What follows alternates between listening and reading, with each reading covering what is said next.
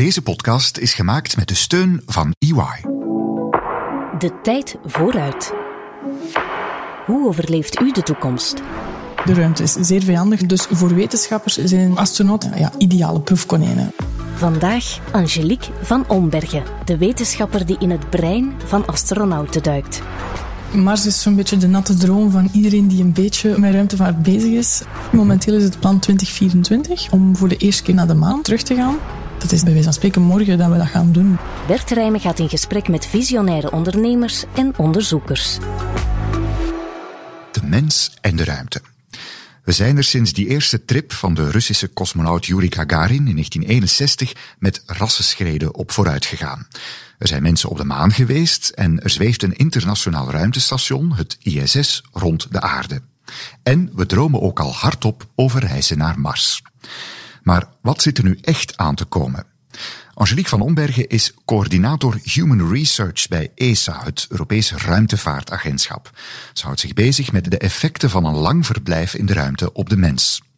Astronauten zijn haar ideale proefkonijnen, maar ook op aarde wordt er getest. Want het menselijk lichaam is eigenlijk helemaal niet gemaakt voor de ruimte. Angelique van Ombergen. Nee, klopt. Jammer genoeg niet. Het is eigenlijk een zeer vijandige omgeving voor het menselijk lichaam. Ja, als je erover nadenkt, is dat ook niet onlogisch. Mensen zijn gemaakt om op de aarde te leven en te blijven. Van zodra dat je weggaat, ja, dan kan je wel verwachten dat er een aantal dingen gaan veranderen. Soms misschien ook in de negatieve zin. Maar gelukkig is het menselijk lichaam redelijk goed in staat om zich toch aan te passen. En natuurlijk door onderzoek te doen, kunnen we ook steeds meer uitvinden en bekijken wat we kunnen doen om die veranderingen te minimaliseren en om die zo klein mogelijk te houden om dan uiteindelijk steeds verder te gaan en langer de ruimte in te kunnen gaan. Want wat u in het verleden daarover uh, onderzocht had, was impact op, op ja, evenwicht, oor uh, en ook de hersenen vooral. Hè? Ja, klopt. Ons labo heeft een lange geschiedenis, of het labo waar ik mijn doctoraat gedaan heb, bij professor Floris Wuits, heeft een, een lange geschiedenis om astronauten cosmonauten eigenlijk, te onderzoeken, zowel qua evenwicht. En we zijn recent gestart tijdens mijn doctoraat ook om specifiek naar het brein te kijken. Omdat natuurlijk ja, alles wat qua stimulus binnenkomt, alles wat je verwerkt, wordt natuurlijk ook in het brein aangeboden en daar verwerkt. En we hebben daar naar gekeken, om, omdat het de eerste keer was, dat was eigenlijk nog nooit eerder bekeken als je daarover nadenkt, men doet al heel lang ruimtevaartonderzoek. Men heeft al gekeken naar het hart, naar de spieren, naar de botten, noem maar op. Maar dat brein was om een of andere reden zo toch een beetje ja, over het hoofd gezien. Um, waarom?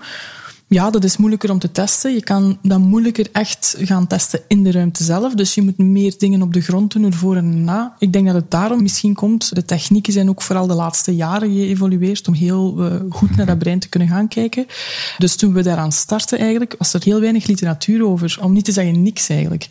Dus dat was enerzijds heel fijn om daaraan te kunnen meewerken. Anderzijds was dat soms ook moeilijk omdat je heel weinig had om je op te baseren. En dat was soms frustrerend omdat ja, je kreeg dan heel interessante resultaten, maar dat was van, ja, oké, okay, maar hoe komt dat nu? Of, of ja, ja, wat hebben anderen er al over geschreven? En Want we wisten al, of laten we zeggen, het is een iets breder gedragen kennis dat je door die gewichtloosheid, ja, je botten en je spieren, die, die krijgen mm -hmm. op een andere manier de druk. Dus dat, dat, als je terugkomt, we kennen de beelden van astronauten die ja. niet meer zo goed kunnen lopen. Maar ook, ja, die effecten die u onderzocht heeft, wat voor effecten zijn dat dan? Dus wat wij specifiek gedaan hebben, is hersenscans genomen, MRI-scans. En dat zijn eigenlijk uh, scans die toelaten om zeer gedetailleerd in de hersenen te gaan kijken. Dus je kan gaan kijken naar de structuur van dat brein, naar de bouw daarvan, de anatomie. Je kan gaan kijken naar verschillende verbindingen tussen de hersenregio's. En je kan ook gaan kijken, oké, hoe functioneert dat brein? Dat kan je op verschillende manieren doen. En MRI is daarin een heel mooie techniek, omdat dat toelaat om al die dingen te doen. Dus we hebben scans gedaan voor de ruimtevlucht en dan onmiddellijk erna. En ook zeven maanden later, als de astronauten al gewoon op aarde zijn, om te kijken, oké, okay, we kunnen misschien vlak na de ruimte veranderingen zien, maar blijven die ook? Of, of veranderen die weer terug? Gaat terug naar het niveau van ervoor? En wat we gezien hebben, is dat in de grijze stof, dat zijn een beetje de bouwstenen van de hersenen, dat er daar toch een afname van volume is. Dus dat er eigenlijk onmiddellijk na een ruimtelucht van zes maanden, dat er daar toch minder grijze stof in die hersenen is. De hersenen dan kleiner worden daar? Kleiner is niet exact het juiste woord. Men zegt dat vaak, ja, dan krimpen de hersenen. Mm -hmm. Ja, dat is zoiets. Wetenschappelijk gezien is dat niet volledig correct. Dus als wetenschapper stik je daar graag enige nuancering in. Het, krimpen is niet het juiste woord, maar ja, als je het uh, zeer zwart-wit zou zeggen, dan zou je effectief zeggen krimpen. Maar het is effectief, die, die grijze stof die neemt af. En anderzijds hebben we natuurlijk ook hersenvocht in onze hersenen. Uh, en dat neemt eigenlijk toe. Uh, dus dat hebben we gezien kort na de vlucht. En als je dan gaat kijken, zeven maanden later, wanneer de astronauten gewoon hier al terug uh, rondlopen op aarde en, en voor de rest niks specifiek gedaan hebben, dan zie je nog altijd wel die veranderingen. Vooral in dat hersenvocht. Die, die extra hoeveelheid hersenvocht, die blijft gedurende lange tijd toch merkbaar. En nu is de volgende stap natuurlijk, of de volgende vraag, ja oké, wat betekent dat voor astronauten? Welke impact heeft dat op hen? Heeft dat een impact? Misschien niet. We denken van wel, maar dat is natuurlijk dan de volgende stap van het onderzoek. En dat is iets waar we momenteel nog altijd steeds mee bezig zijn. interessant onderzoek. Natuurlijk in eerste instantie voor mensen die in de toekomst nog de ruimte in zullen gaan en, en die je dan op een andere manier moet ja, uh, voorbereiden of, of daarmee moet omgaan. Maar kan ik me voorstellen, zoiets leert ons iets nieuws over het menselijk lichaam, dat misschien ook toepassingen kan hebben voor de mensen hier op aarde, in de geneeskunde bijvoorbeeld. Zijn daar mogelijkheden? Ja, absoluut. Het is zo, astronauten zijn een zeer interessant leermodel. Hè. Als je erover nadenkt, dat zijn mensen die ja, eigenlijk wel in topgezondheid zijn, bij wijze van spreken, maar die zich wel geheel vrijwillig blootstellen aan een zeer extreme omgeving. Mhm. De ruimte is zeer vijandig, zoals ik al zei, is zeer extreem. Dus voor wetenschappers zijn dat ja, ideale proefkonijnen. Je kan ze voortesten, je kan ze natesten. Dat is een luxe die je bijvoorbeeld bij zieke patiënten, die je daar niet hebt. Je kan moeilijk iedereen testen en dan achteraf gaan kijken, ah, die is ziek geworden, we gaan nu eens alles vergelijken. Terwijl bij astronauten heb je die voor en die na, dat is heel waardevol. En natuurlijk met het lichaam van die astronauten gebeuren er een aantal processen die soms zeer gelijkaardig zijn aan bepaalde ziekteprocessen hier op aarde. U had het daarnet al over de spieren en de botten. Ja. Dat is bijvoorbeeld zo één aspect waarvan we astronauten echt gebruiken ook als een soort van model voor patiënten met osteoporose. Dat is eigenlijk een aandoening waarbij de botten brozer worden. Mm -hmm. Ja, en astronauten zijn daarin ook een heel interessant model. Dus dat kunnen we eigenlijk al samenstellen. Andere voorbeelden zijn slaapproblemen. Astronauten natuurlijk een slaapritme verandert ook gigantisch. Er is geen natuurlijk dag- en nachtritme daar. Ze hebben minder slaap, dus ook die zaken kunnen we terugtrekken. Uh, het evenwichtssysteem, daar hebben we het ook al over gehad. Zeker als je gaat kijken de eerste dagen dat astronauten de ruimte ingaan, kan je hen wel een beetje vergelijken met evenwichtspatiënten. Omdat het evenwichtssysteem, dat krijgt zodanig een shock door het feit dat dat geen zwaartekracht niet meer kan waarnemen, waardoor dat, dat eigenlijk een beetje volledig ja, ontregeld geraakt. Wat astronauten vooral de eerste dagen tonen, is dat zij ja, echt ruimtemisselijkheid kunnen hebben. Space motion sickness. Dus zij, zijn, zij kunnen zeer duizelig zijn. Zij kunnen zelfs tot, tot brakens toe mm -hmm. um, zich, zich heel miserabel gaan voelen. En al die zaken kunnen we natuurlijk nemen om ook lessen te trekken voor patiënten hier op aarde. En dat is eigenlijk iets dat ook heel belangrijk is ruimtevaartsonderzoek is niet enkel gebaseerd om, ja, om op ontdekking te gaan en op exploratie te gaan. Dat is één aspect daarvan en dat is een heel belangrijk. Maar langs de andere kant wil je dat ook gebruiken om de geneeskunde hier op aarde verder, uh, ja, om, om daar meer lessen uit te kunnen trekken.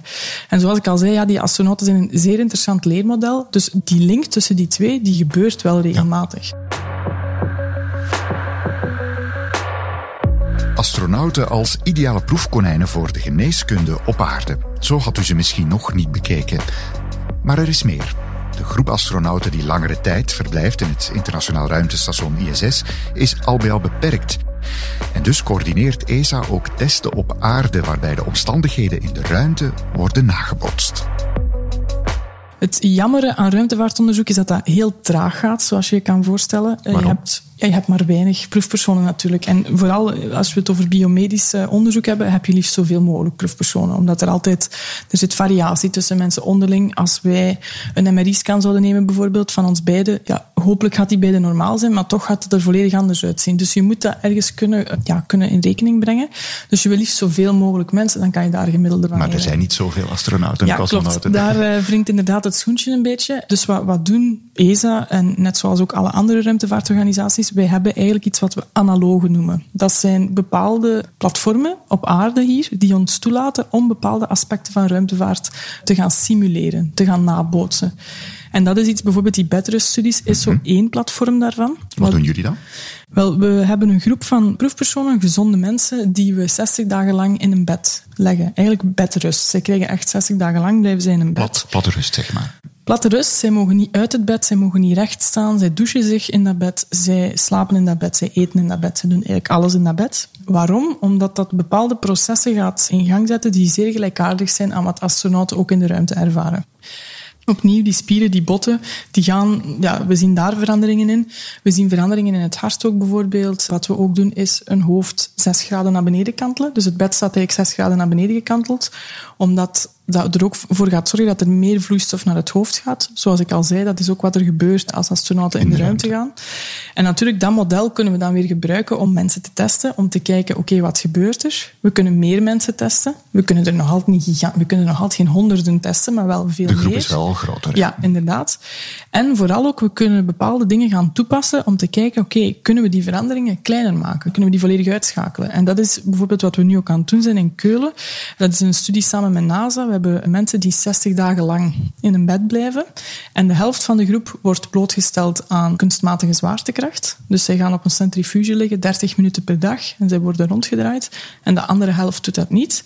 En dan kunnen we bijvoorbeeld kijken, oké, die kunstmatige zwaartekracht, is dat iets bijvoorbeeld wat we in rekening moeten gaan brengen als we binnenkort op, op een verre uh, ruimtereis Dan zou je dus eigenlijk mensen die een veel langer of een zeer lang verblijf in de ruimte hebben, op een of andere manier ook ja, een soort kunstmatige zwaartekracht willen of meegeven, meegeven of, of laten ervaren. Ja, eh, of aan onderwerpen, als je dat zo kan zeggen. Ja, klopt. Maar we staan daar nu nog maar in de kinderschoenen van. Er is wel wat onderzoek naar gedaan, maar nog nooit echt heel gestructureerd. En dat is nu ook mhm. iets wat we bij ESA echt willen doen, daar volop op inzetten, om te gaan onderzoeken, oké, wat kunnen we doen eigenlijk om die specifieke veranderingen die ik daarnet aanhaalde, om die zo klein mogelijk te houden. En om astronauten gewoon zo gezond mogelijk te houden, want dat is ook wel natuurlijk de bedoeling. Ja, ehm, inderdaad. Ja onderzoek dus naar, naar isolatie, eh, wat het doet met een mens en, de geest van een mens om zo lang eh, afgezonderd te zijn. Heeft er zelf ook eens eentje gedaan, hè? Ja, een, een korte, uh, 15 dagen in Polen. En wat, uh, wat was dat? Of hoe, hoe ging dat? Ja, het was een nieuwe isolatiefacility die opgestart werd en ze zochten eigenlijk mensen om deel te nemen. En je mocht ook zelf onderzoeken voorstellen. En dat sprak mij op zich wel enorm aan om het zelf eens ja, te ondervinden, omdat je kan daarover lezen in boeken zoveel als je wil. Dat is toch nog anders als je dat echt uh, zelf praktisch kan gaan doen. Het was maar 15 dagen, dus het, het was nog geen enorm grote, allez, grote missie, dus het, het, sprak me wel aan om het te doen. En ik ben dan uiteindelijk geselecteerd om, om te gaan. En ik vond het wel een zeer eh, boeiende mhm. ervaring. En het is Had heel... u al genoeg van de mede-experimentmensen? Ja, toch wel. Um, het is heel raar omdat je die mensen op voorhand ook niet kent. Dus je ziet die dan drie, drie dagen ervoor voor die training te doen. Oké, dat is wel leuk. Dat zijn jonge mensen. Die zijn ook geïnteresseerd in ruimtevaart. Dus je hebt zo wel een gemeenschappelijk... Een ja. klopt. Nu, er was één iemand bij die, die zeer slecht reageerde op het geïsoleerd zijn. Die, die kon er heel moeilijk mee om. En dan merkte je de eerste dagen dat je dan natuurlijk, ja, je krijgt een beetje zo één iemand die buiten de groep staat, wat het dan voor de andere mensen gemakkelijker maakt om dan, je komt daardoor dichter bij elkaar. Nu, die persoon is er uiteindelijk na tien dagen uh, eruit gehaald. Ze hebben ze gezegd van oké, nee, dit is genoeg, uh, we stoppen het hier. En dan hadden we nog een aantal dagen, vijf of zes dagen nog met de resterende vijf, uh, als het ware. En dan merkte je, en dat was, zeer, dat was zeer confronterend om te zien, dat je je plots toch aan die andere mensen ook begon te storen. Terwijl daarvoor had hij dat niet door, omdat die ene persoon eh, zoveel aandacht opeiste en dat dat zo'n grote stoorfactor was, als het ware. En vanaf dat die stoorfactor dan weg was, ja, dan begon het zo toch te kriebelen zo met die andere mensen ook. En dat toont aan hoe, menselijk, dat, mhm. hoe menselijk aspect dat het eigenlijk is om, ja het is natuurlijk ook iets raar. Je wordt daarin gesmeten, als het ware. Je deelt plots alles met die mensen. Dat is even alles wat je hebt. Je hebt geen contact met de buitenwereld. Ja, je staat daar samen mee op een kamer, je eet daarmee, je, je doet daar alles mee. Dat is geen evidentie. En dat leert ook veel over ja, verblijven die dan misschien ja, verschillende jaren met zich mee hebben. Als je dan, dan kan je die groep toch maar, laten we zeggen, iets beter op elkaar afstemmen. Ja, dan, natuurlijk. Als je echt voorbereidt voor een missie in de hm. ruimte, die astronauten trainen wel al regelmatig met elkaar. Dat zijn geen compleet vreemden, dus dat is wel volledig anders.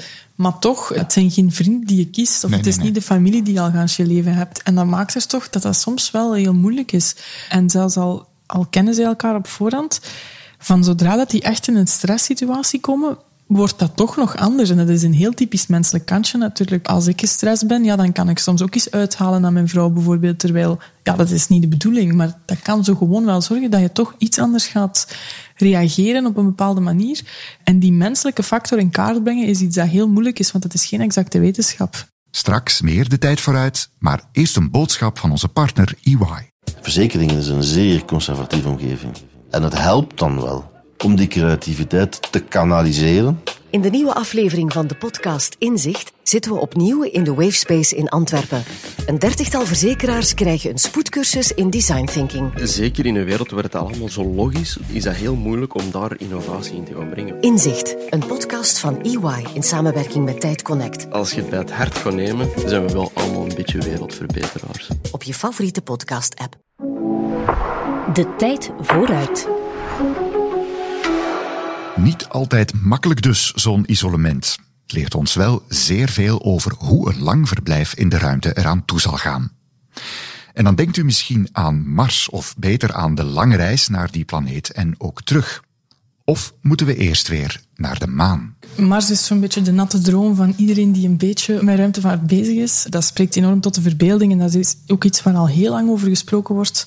En ik kan dat ook alleen maar beamen natuurlijk. Maar langs de andere kant denk ik dat het heel belangrijk is om het stapje per stapje te doen. Mhm. Dus we zitten nu in een tijdperk waar we eigenlijk het internationaal ruimtestation, het ISS, eh, bestond vorig jaar 20 jaar. Mhm. Dat is best lang. Dus als je erover nadenkt, is dat, dat is al 20 jaar bemand. Dus het is al 20 jaar dat er continu mensen zijn die eigenlijk rondjes rond de aarde draaien. Dat is eigenlijk best wel... ehm, ja, impressionant vind ik zelf. Dat is een verwezenlijking. Ja, klopt, inderdaad. Nu, we kennen dat ISS. Het geeft ons nog steeds veel nieuwe inzichten. We kunnen daar enorm veel onderzoek doen. Maar langs de andere kant willen we ook verder. En we willen ook opnieuw, we willen verder gaan verkennen. We willen langer de ruimte in kunnen gaan. En dan is de volgende tussenstap natuurlijk zeer logisch de maan. En dat is, oké, we zijn er al geweest, maar het is heel lang geleden. En de volgende stap is echt wel teruggaan naar de maan. En de lessen die we daar trekken, ja, die kunnen we natuurlijk dan ook weer direct gaan gebruiken om... Wat kunnen we dan nog extra leren? Want ja, u zegt, we zijn er al geweest, we weten er al best wat van. Wel- Valt daar nog iets te rapen? Ja, zeker wel. Natuurlijk, eh, daar ga ik het nu niet over hebben, maar het geologisch aspect natuurlijk van de ja. maan, hoe is die ontstaan, hoe is die opgebouwd enzovoort. Dat is natuurlijk een heel belangrijk aspect. Als we het over mensen zelf gaan hebben, dan is het belangrijkste aspect daar, wat ons dat kan leren, is hoe kosmische straling exact inwerkt op het menselijk Ja, lichaam. want wat is dat precies, die straling? U had het er al even over. Dat zijn eigenlijk hoog energetische zonnedeeltjes, waar we hier op aarde ook aan blootgesteld worden, maar door het elektromagnetisch veld van de aarde en de atmosfeer zitten we daar redelijk goed beschermd in. Dus we worden continu blootgesteld aan die deeltjes, maar dat blijft binnen de perken, dat is oké. We kunnen daar tegen. Ja, maar van zodra dat je verder gaat, bijvoorbeeld in het ISS, in het ruimtestation, worden astronauten al, krijgen ze al een hogere blootstelling, maar ook ze zitten nog steeds redelijk binnen die beschermende factor. Natuurlijk, als je naar de maan gaat, ja, dan zit je niet meer in die beschermende factor. En dat is heel belangrijk om uiteindelijk die missie naar Mars te gaan voorbereiden, omdat ja, als we dat gaan doen, gaan we niet alleen een hogere straling krijgen, maar we gaan daar ook veel langer aan blootgesteld worden. En dat zou echt wel een mogelijke showstopper Ja. kunnen zijn, een, echt een, een, een groot probleem. Want we kunnen ons daar niet op een andere manier tegen beschermen. Men noemt dat in de vaktermen shielding. Je kan het ruimteschip gaan shielden. Ehm, maar het probleem is dat weegt enorm veel. Ja. Dat gaat ervoor zorgen Moet ook dat mee de lucht in, Ja, klopt. Dus we moeten een manier vinden om dat op de meest efficiënte eh, mogelijke manier te kunnen doen. Maar daarom heb je natuurlijk eerst onderzoek nodig. Dat kan je niet zomaar Mhm. doen. Je kan hier wel grondmodellen gaan ontwerpen en, en dat gaan kijken, maar dat is niet exact hetzelfde. Dus de maan gaat vooral daarin een heel belangrijke factor spelen. En Begrijp ik het dan goed dat we eigenlijk door op de maan, dus nog iets verder dan het ISS van de aarde natuurlijk, daar langere tijd te blijven, vaker naartoe te gaan, dat we die tussenstap eigenlijk nog eerst nodig hebben voor we ja, nog veel verdere of veel Ja. grotere afstanden kunnen opzoeken. Ja, klopt. En dat, is, allee, dat wordt nu zo een beetje algemeen aanvaard. Dat is ook nu het plan van NASA bijvoorbeeld. Dat is nu ook het plan van ESA, van ook de andere internationale ruimtevaartorganisaties. En ik denk als je daar logisch over nadenkt, dat dat ook de meest ethische keuze is. Hoezo? Als je het puur hebt over de gezondheid van astronauten, het idee dat je nu mensen naar Mars stuurt, met al die vraagtekens die er nog zijn, ik, ik ben een enorm grote fan om, om naar Mars te gaan Ja. en ik, ik wil daar alles aan doen om dat mogelijk te maken. Maar ik denk wel dat we dat moeten doen op het moment dat we toch iets meer van die vragen hebben beantwoord en dat we dat op een zo goed mogelijke manier kunnen doen. En daarin is natuurlijk dat luik van maanonderzoek heel interessant. Ja. En is, het lijkt me ook logisch om eerst de maan opnieuw te gaan verkennen, te gaan ontdekken. Niet alleen de maan zelf, maar ook opnieuw de procedure Ja. van toch verder te gaan. En dat we dat dan direct gebruiken als een soort van ja, springplank naar, naar Mars. Hoe zou dat eruit zien qua, timing? Aan, aan wat voor eh, ja, lengte van verblijf denk je dan? Hoe, hoe is, is zoiets opgebouwd? Ja, dat hangt natuurlijk een beetje af van de technologie die op dat moment beschikbaar is. Maar als ik me niet vergis, is het huidige concept een beetje dat je ongeveer acht maanden zou nodig hebben om naar Mars te reizen. Denk zes à acht maanden ongeveer. Het hangt ervan af voor, want soms zie je andere berekeningen. Maar laten we even uitgaan van die zes à acht maanden. Dan kom je toe op Mars en dan heb je natuurlijk een aantal onderzoeken dat je daar moet gaan doen. Meer dan een dagje, denk ja, ik dan. Klopt. Het probleem is dat Mars en de aarde aan een andere snelheid rond de zon draaien. Mhm. Dus soms staan ze heel dicht bij elkaar, maar soms staan ze ook heel ver van elkaar. En dan kan je niet vertrekken. Dus dat is een beetje het probleem. Op het moment dat je gaat aankomen op Mars, ga je daar één of twee jaar moeten blijven. Totdat ze terug dicht Totdat ze genoeg terug zijn. dicht genoeg maar. bij Ja. elkaar staan. En dan moet je natuurlijk terugreizen. Dus ik denk als we over een, een reis naar Mars spreken, dat we toch gemakkelijk over drie, vier jaar gaan spreken. En dat is natuurlijk wel voor mensen een enorm grote ja, een enorm grote opoffering, een enorm allee, grote missie. Ehm, er zijn mensen die momenteel al één jaar naar het ISS gaan, naar het Internationaal Ruimtestation. Dat is ook heel lang. Maar je hebt nog wel die dichtheid van de aarde. Dat is ook een enorme opoffering, maar toch nog op een iets andere manier. Terwijl als je weg bent naar Mars, ja, dan, dan wordt de aarde echt iets heel, heel ver. Zowel letterlijk als figuurlijk. Je hebt daar zeer weinig connectie nog mee. En dat is denk ik toch ook psychologisch een enorm Ja. extra ballast. Ja. Ehm, U haalde het al aan, er is heel veel samenwerking, ESA-NASA, met ook de andere ruimtevaartorganisaties van over eh, de hele wereld. Is dat nu het grote gemeenschappelijke doel toch? Zij het dan met alle mogelijke bedenkingen en dat het waarschijnlijk nog een hele tijd zal duren, dat, dat laten we zeggen, de driving force is van al die, laten we het de hele ruimtevaartgemeenschap noemen van de hele wereld? Ik hoop het wel. Ik, ik zie ruimtevaart echt als een zeer internationale samenwerking. Mhm. Omdat samen sta je sterker. Dat is gewoon zo. Ruimtevaart kost veel geld. Ruimtevaart is gigantisch complex. Mhm. Als je samenwerkt, dan kan je gewoon verder geraken. Ehm, en dat is echt wel een beetje de insteek van... Ja, zeker bij ESA, wij zijn eigenlijk al een, een samenwerking van de Ja. verschillende Europese lidstaten daarin. Dus wij hebben dat wel een beetje in ons bloed, zal ik maar zeggen, om die samenwerkingen aan te gaan. En ik ben er gewoon van overtuigd dat door samen te werken dat je veel meer kan bereiken. Dus eh, ik ben enorm blij ook om te zien dat dat samen gedaan wordt. En dat is wel mijn hoop ook, als we ooit spreken over een missie naar Mars, dat dat effectief ook een samenwerking gaat zijn van de verschillende partners. Mhm. Ja, maar dan eerst in tussentijd misschien nog eens eh, ja, het, eh, de halte of de tussenstop de maan in, in, in acht nemen. Eh, wa- wa- wat zit er daar aan te komen? Is dat al concreet? Die plannen zijn er. eh, in de Verenigde Staten wordt dat zeg maar ook wat opnieuw eh, wat bovenaan op de agenda Ja. gezet. Hoe, hoe, staan we daarvoor? Wat kunnen we daar verwachten ook? Wel, dat kunnen we eigenlijk redelijk snel verwachten. Mhm. Momenteel is het plan 2024 om voor de eerste keer terug te gaan. Niet om te landen, maar dan wel om een soort van orbit, dus rondjes te draaien rond de maan. Een beetje zoals we het internationaal ruimtestation Mhm. nu rond de aarde hebben. En om dan de jaren die dan daarna komen, om dan effectief ook terug eh, surface operations te doen. Dus met andere woorden, terug naar het maanoppervlak Ja, eh, te inderdaad. gaan. Dus als je erover nadenkt, dat is, dat is echt, ja, bij wijze van spreken, morgen dat we dat gaan doen. Dus dat is zeer interessant om nu ja, op dat keerpunt te zitten, op dat kantelpunt. Omdat ja, we hebben het ISS. Dat blijft heel fascinerend en dat blijft heel belangrijk. Maar langs de andere kant, we doen dat al twintig jaar. Het is, wel, het is ook wel leuk om daarop te bouwen en verder te gaan naar het volgende. Dus het is zeer interessant om nu zo op dat, op dat kantelpunt te zitten. En ik denk dat, zeker als we gaan kijken naar de komende jaren, de komende vijftien jaar, gaat er enorm veel gebeuren. Dus dat is heel leuk.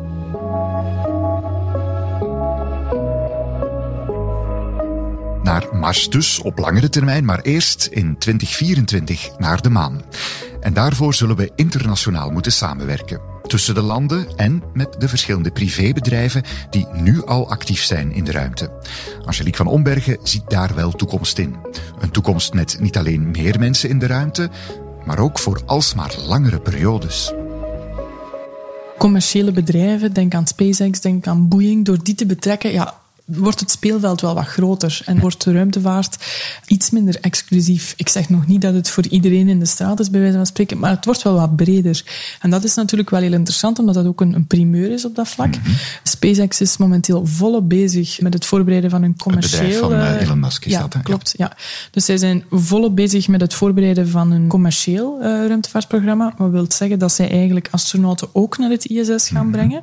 Dat is in samenwerking met NASA uiteraard. Maar dat maakt het speelveld anders, omdat het ervoor gaat zorgen dat ja, Amerika en, en NASA gaan terug astronauten de ruimte insturen van op Amerikaanse bodem. Ja, Terwijl de want dat hebben ze een hele tijd niet kunnen doen. Nee, klopt. Ja. Dus dat werd eigenlijk altijd via Rusland, eigenlijk via Kazachstan. Lanceren alle astronauten door SpaceX en Boeing daar nu bij te betrekken.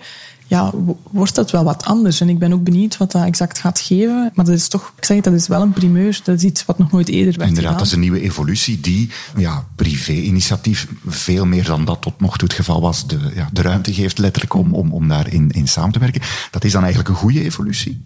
Ik denk het wel, ja. Ik denk door commerciële bedrijven erbij te betrekken, dat we meer kunnen bereiken en dat we ruimtevaart ook misschien goedkoper uh, kunnen Mhm. maken. Zeker als we het over SpaceX hebben. Ik zeg, het is niet mijn expertise, maar door raketten te gebruiken die hergebruikt kunnen worden, ja, dat is natuurlijk, dat is, dat is ja, bangelijk bij wijze van spreken. Maar het zeggen dat we dat kunnen doen. We besparen daar veel geld mee.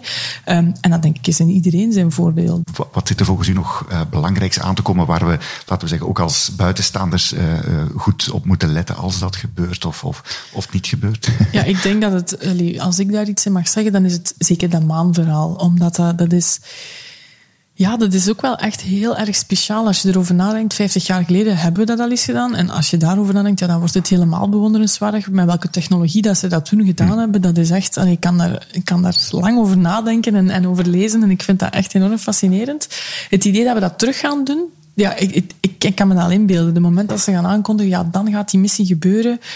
Allee, dat gaat echt een wereldevent zijn. Iedereen gaat gekluisterd zitten achter zijn tv of zijn, zijn smartphone of zijn computer of whatever om dat mee te volgen. Dat gaat enorm, allee, een enorm verbindende gebeurtenis zijn. Niet alleen op vlak van wetenschap of op vlak van internationale samenwerking, maar gewoon dat brengt mensen samen. Omdat dat, dat is geen verwezenlijking van een agentschap, maar dat is een verwezenlijkheid van, van de mens gewoon in het algemeen.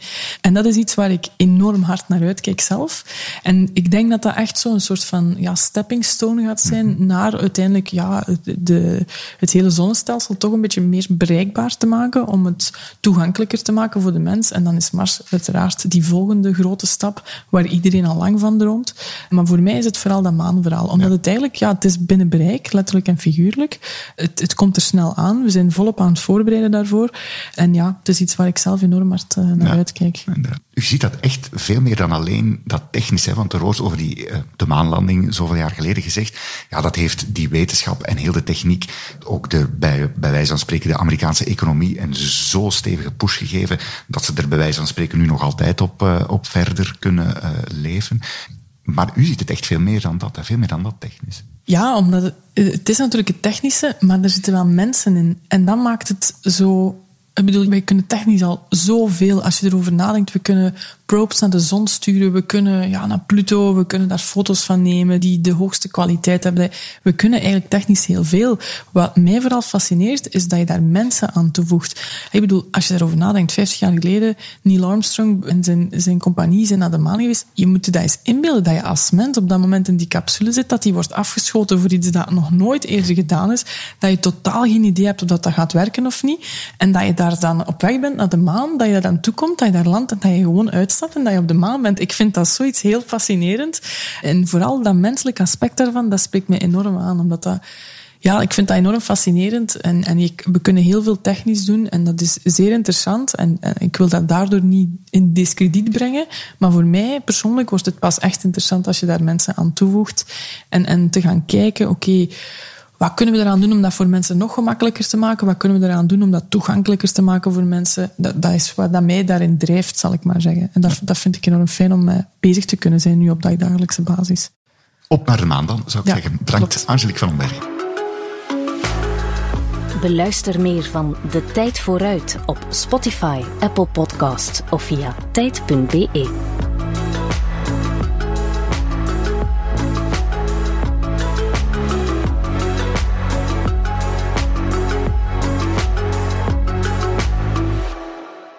de nieuwe aflevering van de podcast Inzicht zitten we opnieuw in de Wavespace in Antwerpen. Verzekeringen is een zeer conservatieve omgeving. En het helpt dan wel om die creativiteit te kanaliseren. Een dertigtal verzekeraars krijgen een spoedcursus in design thinking. De kunst van design thinking is comfortabel zijn met oncomfortabel te zijn. Net iets wat voor verzekeraars heel belangrijk is. We gaan op zoek naar hoe het hun businessmodel en onze maatschappij fundamenteel kan veranderen. Als je het bij het hart gaat nemen, zijn we wel allemaal een beetje wereldverbeteraars. Luister nu naar Inzicht, een podcast over ondernemers en de drive om hun bedrijf digitaal te transformeren. Op je favoriete podcast-app.